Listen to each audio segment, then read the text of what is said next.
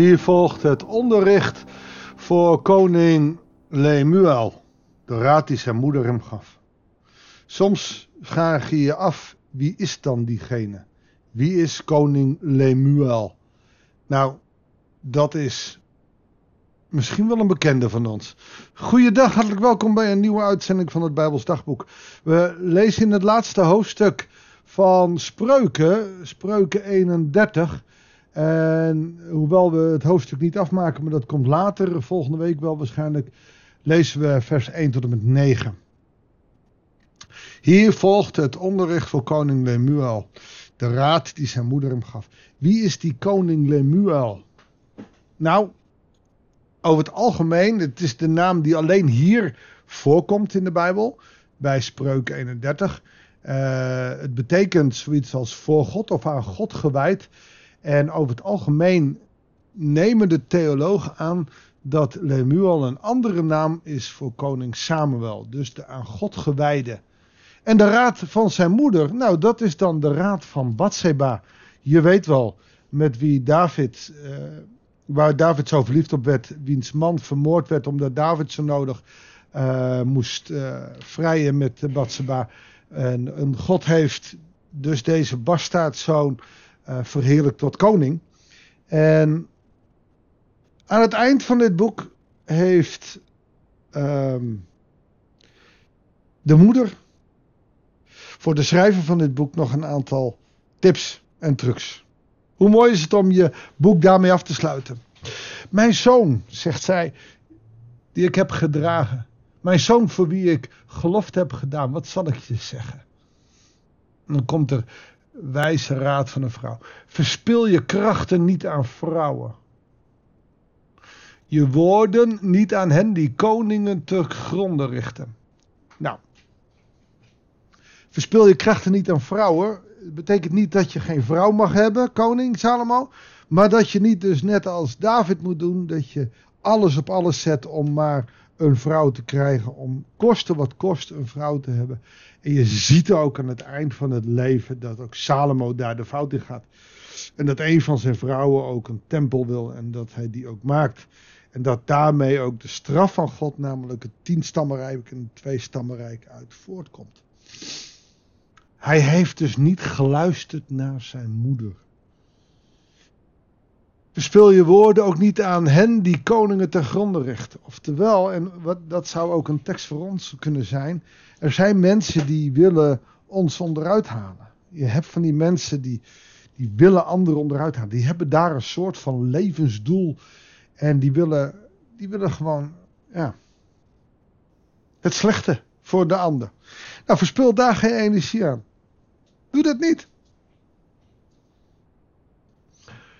En Lemuel, een koning mag zich evenmin te buiten gaan aan wijn. Nou, je ziet dus dat Lemuel hier als koning wordt gezien. Er is in de hele geschiedenis van het Oude Testament geen koning Lemuel. Dat betekent dus dat de betekenis van de naam uh, hier wordt gebruikt. Dat het geen eigen naam is, maar God gewijde zoon, een koning, mag zich evenmin te buiten gaan aan wijn. Je mag wel wijn drinken, maar je mag je niet te buiten gaan. En dat geldt niet alleen voor koningen, maar dat geldt voor ons allemaal. Zijn we niet allemaal koning van ons eigen huis, koning van ons leven? Uh, ga je niet te buiten aan wijn. Je mag best een wijntje drinken, is geen probleem. Maar ga je niet te buiten, dat past je niet. Een leider mag niet hunkeren naar drank. Hij mag niet drinken en zijn plicht vergeten. De rechten van verschoppelingen schenden. Want met drank ga je geen wijze oordelen aan. Met drank ga je vaak de verkeerde kant op. Tenminste, als je te buiten gaat. Als je normaal een wijntje drinkt, en zeker in het Midden-Oosten is het heel normaal om bij het eten een wijntje te drinken, dan is er niks aan de hand. Maar wanneer je aan de soep gaat, zou je kunnen zeggen, dan gaat het mis. Geef drank aan wie kommervol bestaan leiden. Geef wijn aan wie diep ongelukkig zijn. Dat is een vreemde raad. Als leider moet je dat niet doen. Maar ze geeft maar aan, mensen die het ontzettend moeilijk hebben. Want ze kunnen misschien dat wel vergeten. Laat ze maar drinken en hun armoede vergeten. Mogen hun gezwoeg uit hun herinnering verdwijnen. Zo van, joh, zij kunnen het beter gebruiken dan jij. Jij moet leiding geven als koning. Jij moet niet dronken zijn. Maar mensen die niks hebben. Het aardige is, door het te noemen dat er mensen zijn die niks hebben, wijzen hem ook op de verantwoordelijkheid. En dat is niet zomaar alleen maar uh, drank geven, maar dat is ook bewust worden dat er mensen zijn die niks te eten of te drinken hebben, die het moeilijk hebben, die kommer en kwel meemaken en die misschien aan die drank of aan de vergetelheid wat zouden hebben. En daarom kan je ook direct zien wat ze daarna zegt, want ze laat het niet bij die alcohol. Nee, spreek voor hen die weerloos zijn. Bescherm het recht van de vertrapte. Oftewel, je kan ze wijn geven om te laten te verdwijnen, maar als je dat blijft doen, dan worden ze alleen maar dronken. Nee, bescherm het recht van de vertrapte. Nou, hier gaat die moeder dus even los met het advies. Zo van, joh, doe er wat aan. Geef ze niet alleen wat verdoven, hè, zodat ze um, even, even loskomen van hun ellende. Maar zorg dat er recht wordt gedaan. Spreek oordeel rechtvaardig. Geef de armen en behoeftigen hun recht. En dat wordt vaak niet gedaan.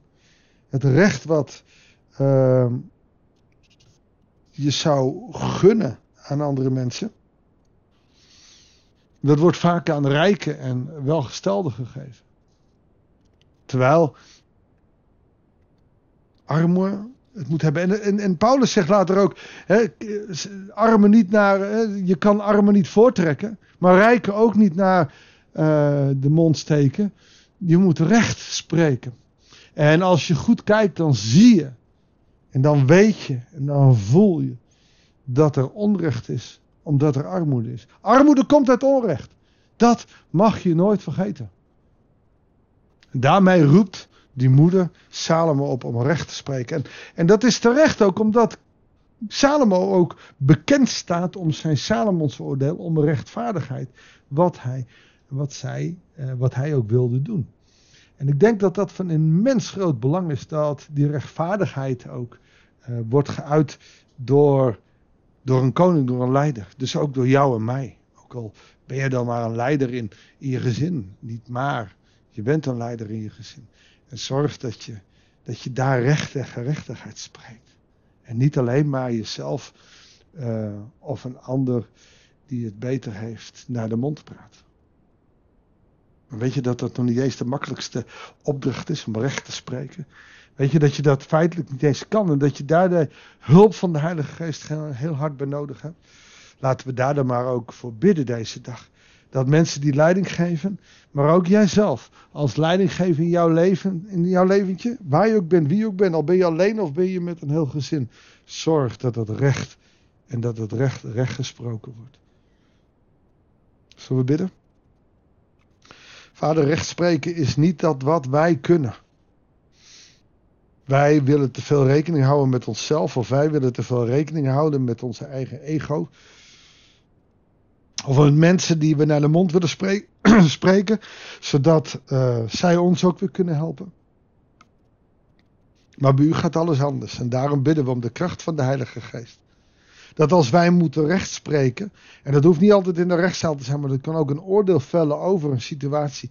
Heere God, dat we recht spreken. En dat kunnen wij alleen als we het doen vanuit de kracht van uw Heilige Geest. Wil ons daarom ook vullen met die kracht. Wil ons zegenen met uw heilige rechtvaardigheid. Zodat wij als christenen ook dat recht op aarde mogen volbrengen. Door uw Zoon Jezus Christus. Amen. Dankjewel voor het luisteren. Ik wens je succes als rechter. Maar je bent het. Je vindt overal wat van, maar rechtspreken betekent soms je mond houden. Betekent soms even anders. Ik wens je een goede dag en graag tot de volgende uitzending van het Bijbelsdagboek.